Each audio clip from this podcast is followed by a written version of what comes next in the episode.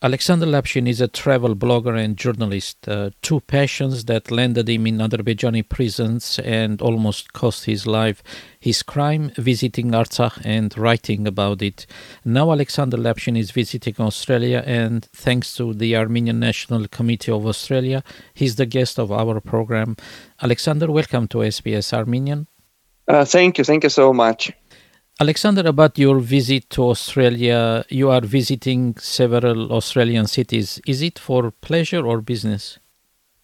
This is actually for advocacy of the Armenian case. So, for example, for now, I spent two days in Canberra. I met with uh, 16 members of the Australian Parliament and senators. So, I didn't expect so many uh, meetings actually in just two days.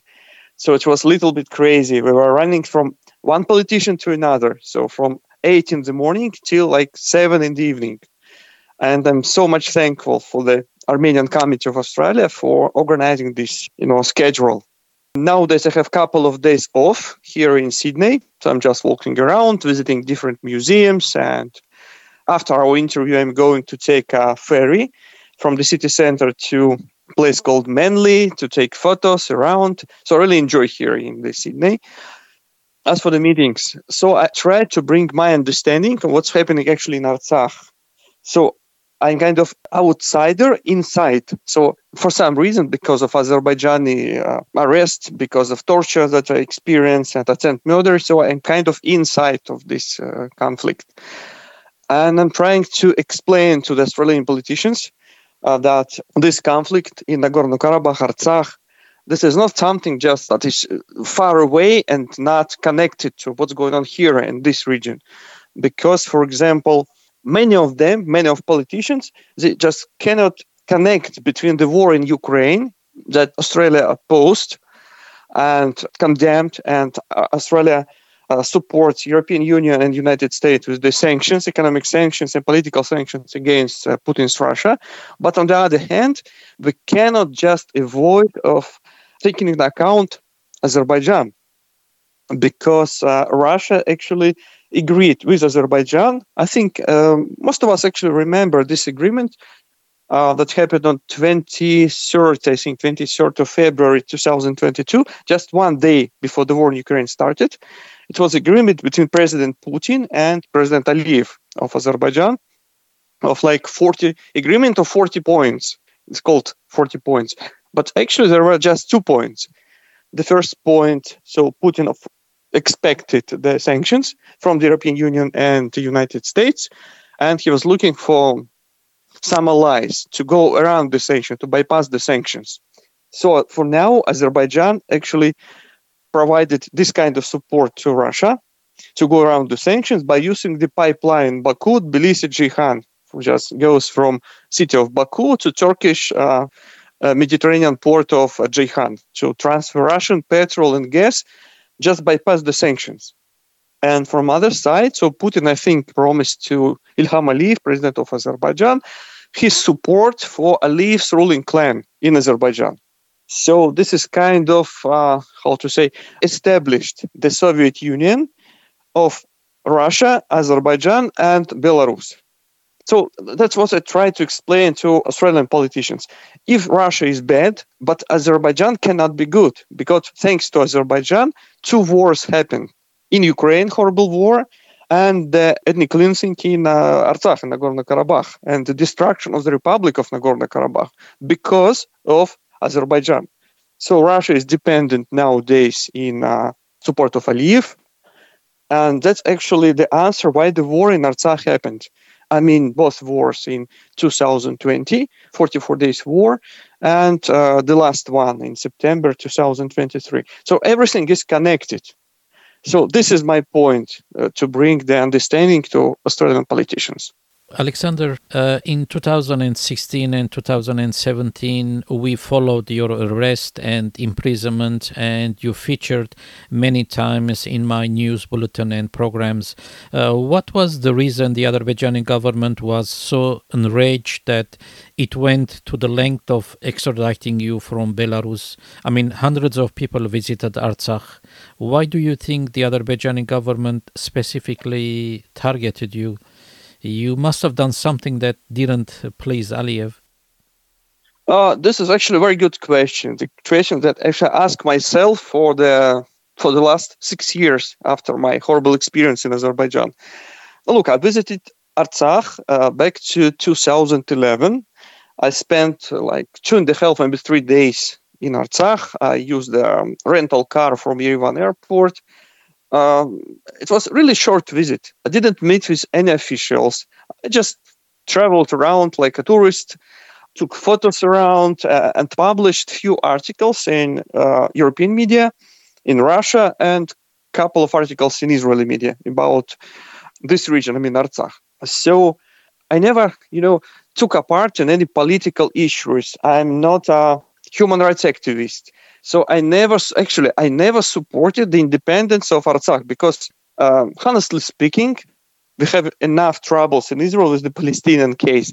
I didn't expect to be involved in the case in the war between Armenia and Azerbaijan. So this is not my conflict. So uh, all the articles I published were just travel related. So I try to, to, to tell the people about the beautiful nature of Artsakh, historical monument, and exceptional hospitality of Armenians of Artsakh, etc., etc. So nothing political. So basically, I myself was really surprised to be arrested in Belarus five years later of my visit. Of course, I mentioned in my article that Azerbaijan is like of democracy and Ilham Aliyev is a dictator. But this is that's true.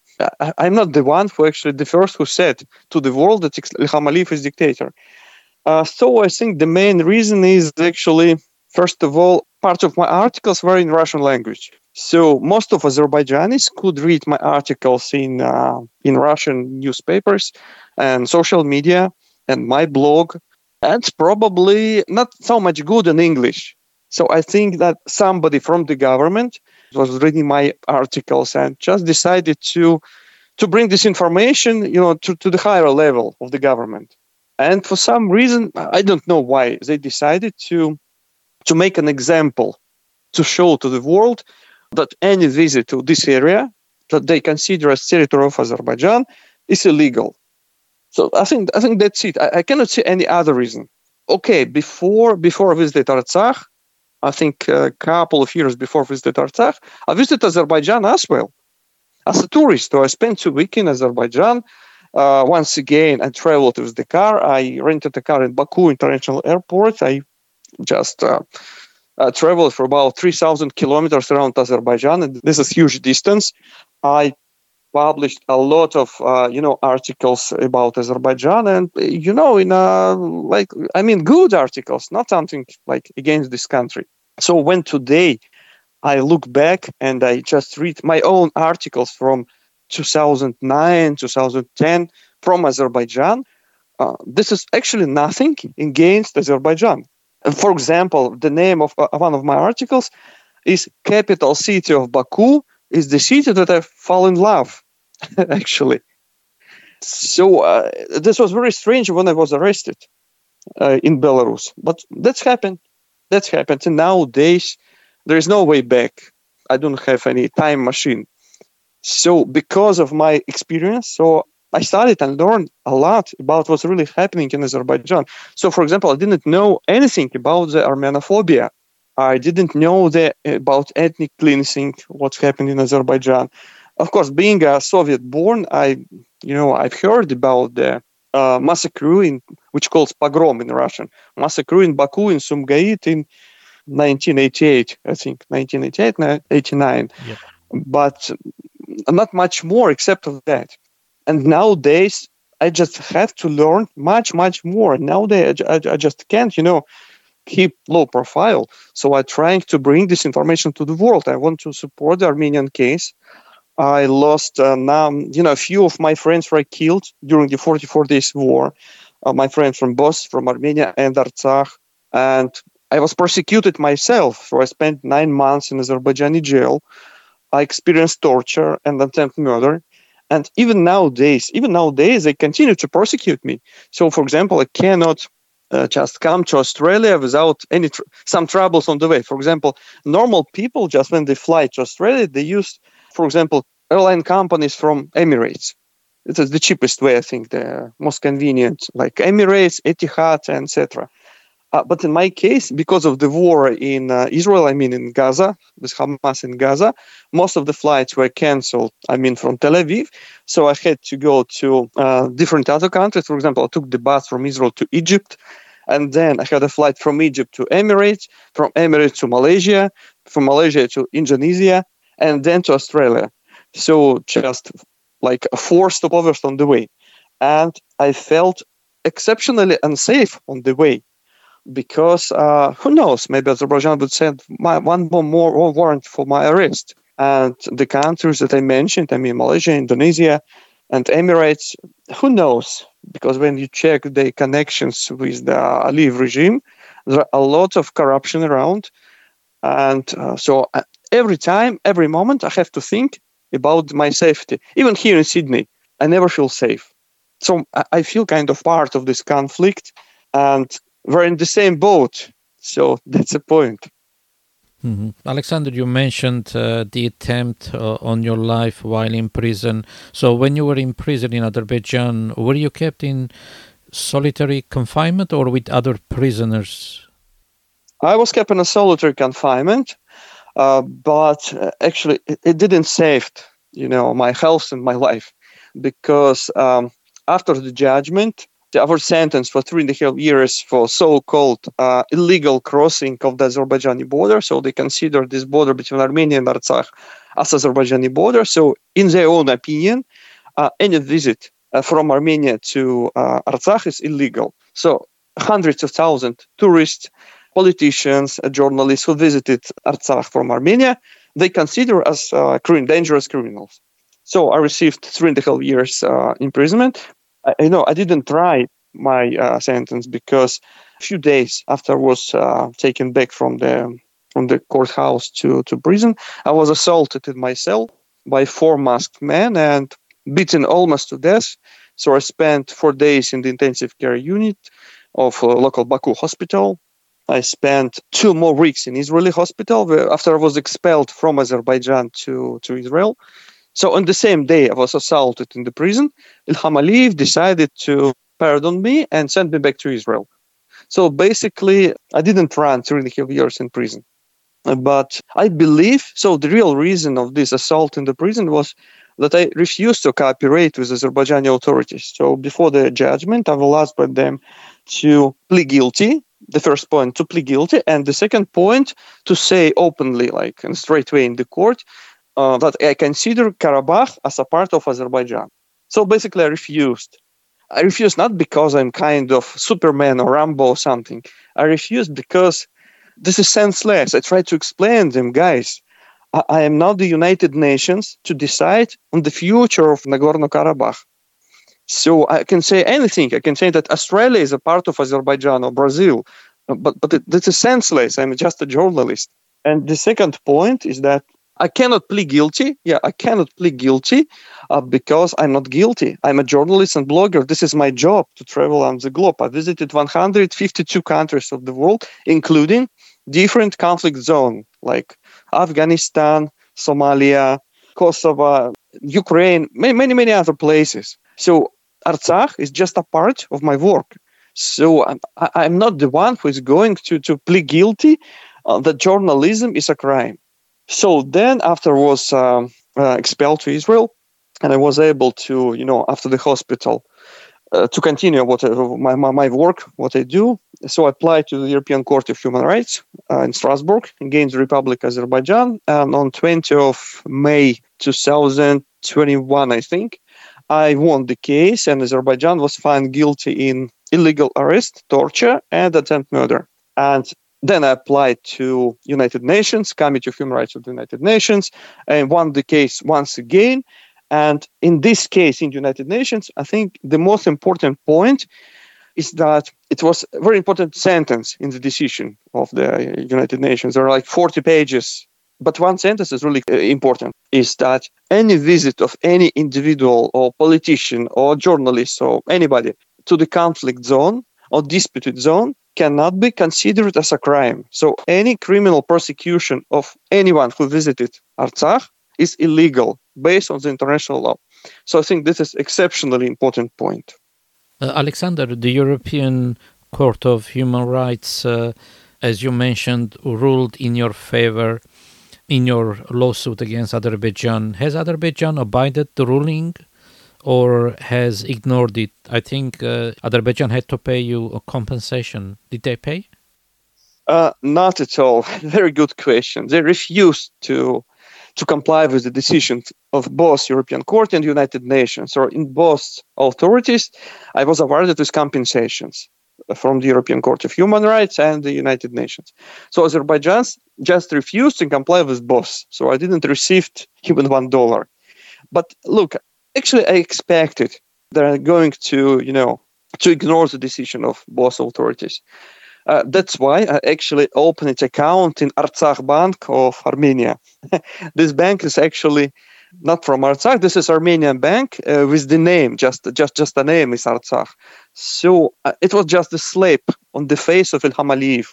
So I was sure will never receive any compensation from Azerbaijan. So just open an account, just to make him feel, you know, confused with the Artsakh bank account. So, but nowadays, uh, unfortunately, I don't believe I can do anything just to get the compensation because Azerbaijan itself was, uh, you know, expelled from the Council of Europe. I think like a month ago. Mm-hmm. Yep. And as for the United Nations, all, all of us know this is just uh, this is just a big bureaucracy, not much more. But we're not talking about the compensation. Okay, I will survive without the compensation. The most important is to bring to the opinion of the world uh, world opinion, I mean, uh, what's really happening in Artsakh. Just make them understand that uh, 120,000 of Armenians were just, uh, you know, ethnically cleansed from Artsakh and were expelled. And this is really unbelievable. And in 21st century, what's happening there. And people just don't know. So I learned from my meetings with local politicians in Australia most of them never heard about Artsakh, Nagorno-Karabakh. So even if you ask them what, what is the capital city of Armenia, most of them don't know. That's really unbelievable. Uh, Alexander, you said uh, you're not feeling safe, and besides Artsakh, countries that you have an affinity with, like Russia, Ukraine, Israel, are at war. Do you still travel and write? Um, once again, you know, just brilliant question. Uh, so, of course, because of my issues with Azerbaijan, I lost uh, most of my income as a journalist because, first of all, I worked with a uh, number of Russian outlets, Russian and Ukrainian outlets. I earned, you know, some income from uh, advertising different airlines and hotels around the around the globe. And nowadays, I have to worry about not to be arrested once again because I know for sure that Azerbaijan issued one more warrant for my arrest because of my application to the European Court of the United Nations. So they feel kind of, uh, you know, to punish me once again. And uh, this information is not like my, my own thoughts. So I received a letter from Israeli Minister of Foreign Affairs with the list of the countries. The list consists of like 40 countries of the world not advisable for visits, including the countries that I mentioned, plus all of the ex-Soviet Union, except of the Republic of Armenia, of course, plus Turkey and some East European countries, all the places in the world with the corruption, most of the African countries, and etc., etc. But, but like actually, th- th- this is my work. So nowadays, I feel kind of, you know, kind of refugee myself. and I didn't mention one more point. I connected more to my family than to Armenia and Artsakh. So when I was in um, Azerbaijani jail, my family was expelled from Israel. So my wife is the citizen of Republic of Moldova, and we were in the middle of the naturalization procedure just to to get Israeli passport. I think the same, uh, you know, procedures here in Australia, more or less. And because uh, every year we had to, to go to immigration authorities in Israel and to prove that we are still family. So after like uh, I think six or seven years of this procedure, uh, she was about to get Israeli passport. But then I, I uh, you know, I was uh, imprisoned in Azerbaijan, so I couldn't go with her to authorities to to prolong her marriage visa, and they decided to expel her from uh, from Israel. And together with our daughter, who then was uh, two years old, and our daughter is Israeli citizen. Actually, she was born in Israel. She's Israeli citizen by birth. and but both of them were expelled. I, I didn't know about that in the prison. So when I was released, when after I spent two weeks in an Israeli hospital, so I had to apply to to attorneys in Israel and to cancel this decision of the immigration authorities. This was really unlawful and amazing and just uh, exceptionally disappointed. I, I, felt disappointed. And then uh, when I applied to the European Court against Azerbaijan, I was invited to Israeli called Shabak. This is like uh, intelligence, Israeli intelligence. Uh, so they told me that what I do is basically against the national interest of Israel. So I was advised to to stop all my doings against Azerbaijan, and then they promised to to provide the Israeli passport to my wife. But both of us, me and my wife, actually refused. To. We said it doesn't work this way. So I spent nine months in Azerbaijani jail. I suffered. I was almost killed. I cannot just just stop it and abandon what I do against Azerbaijan. Uh, so basically, nowadays, my family are refugees too, but we are unofficial refugees. We are refugees of the world. So we're just going from one place to another. And this is our life nowadays. Fascinating story. All these troubles for a few days visit to Artsakh. Exactly, exactly. Alexander, how do you describe the Azerbaijani justice system? Uh, you have personal experience, and now there are a few dozen Armenians in Azerbaijani prisons. I would say that there is no justice system in Azerbaijan. Uh, this is comparable to North Korea, I would say. So all the decisions that made in Azerbaijani courts actually this is just a joke. They made a joke of the justice system. So, for example, in my judgment, just in the middle of the judgment, uh, a judge received calls from somewhere. I could I could hear that he said he talked half Russian, half Azerbaijani, and he said, "Okay, okay, we will, uh, you know." Uh, we will put this article, the criminal law, here and there. It was really unbelievable. So, just in the middle of the judgment, uh, somebody involved and decided something. Uh, so I- instead of judge. Uh, so about the detention center where I was kept. So it's called Kurdakhani. This is like 20 kilometers northeast of the city of Baku. And Armenian prisoners of the war kept in the same place. And block number four, as far as I remember. Block number four is for foreigners. All the, you know, Iranians, and Georgians, and Turks, and different others. So for foreigners. And this is also the jail like in the movies, uh, at least I was kept in solitary confinement. Uh, from the beginning, I felt much better than in Belarus because before I spent two months, because before the extradition, I spent two months in Belarusian jail in a small cell, just full, full of people. We were like 30, 30 uh, people inside the cell, like uh, four meters, maybe on five meters. Just a small room, actually. This, was horrible experience. And part of the people were sick part were just drug addicted. So i felt really bad. So in azerbaijan in this connection from the beginning i felt much better because i was alone. But then just consider that this small cell three meters on three meters toilet is the hole in the concrete. No windows no windows at all. So light is 24 hours per day so I, I, could never know what time it is now because I, my watch was taken from me and my cell phone, of course. So when I asked the guards, is this morning or evening or what, what time? So they said, uh, we cannot answer you. It was kind of psychological pressure. And the food was exceptionally bad, like in all of the ex Soviet prisons. I mean, porridge in the morning, uh, water soup. So I called for that water soup because this was just water with small pieces of potatoes and small pieces of uh, carrots or cabbages inside, but mostly water. And in the evening, I mean dinner, uh, we had mashed potatoes. Oh, oh otherwise, once again, uh, porridge as in the morning. So, and every day the same, every day the same. So after about, let's say, two, three months in this kind of conditions, uh, even the the most healthy men start to feel, you know, sick. Uh, different problems with your back, cardiac problems, and etc., etc. You are starting to lose your sight and problems with your teeth, Look, everything. So not enough food, uh, not enough daylight, no daylight at all, I would say. So the Armenians kept in the same conditions for not for seven months like me, but for for years. For now, I think almost three years they kept there, and most of them, I believe, were unfortunately killed. And uh, one more point to mention about the uh, Armenophobia. So during the um, our meetings with Azerbaijani prosecutors and uh, investigators, I was said that first of all, Armenians. Uh, this is not actually a nation, but this is tribes who came from India, from city of Hyderabad, and Armenians actually all, all of females prostitutes and all the men just criminals, unorganized, uneducated, etc., etc.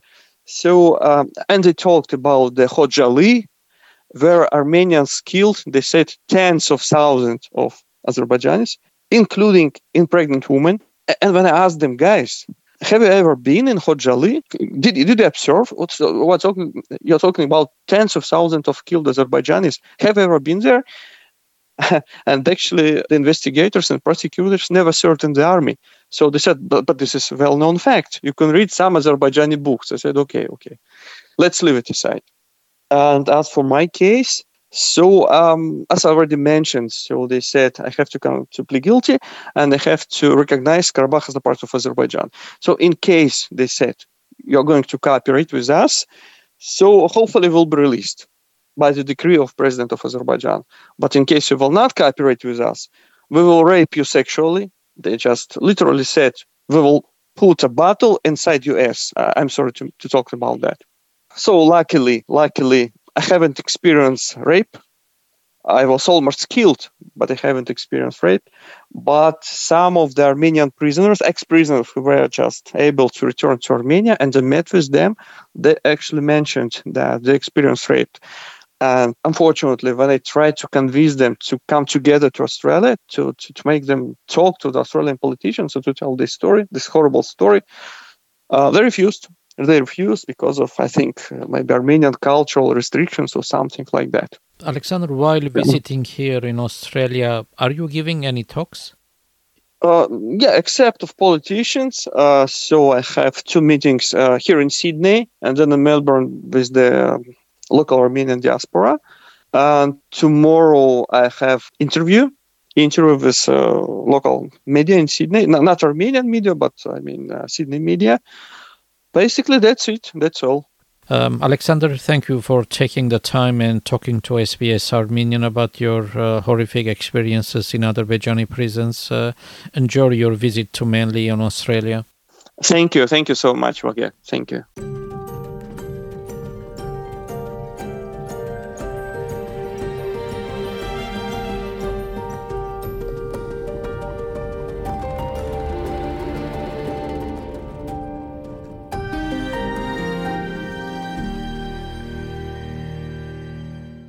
Our guest was Alexander Lapshin, travel blogger and journalist.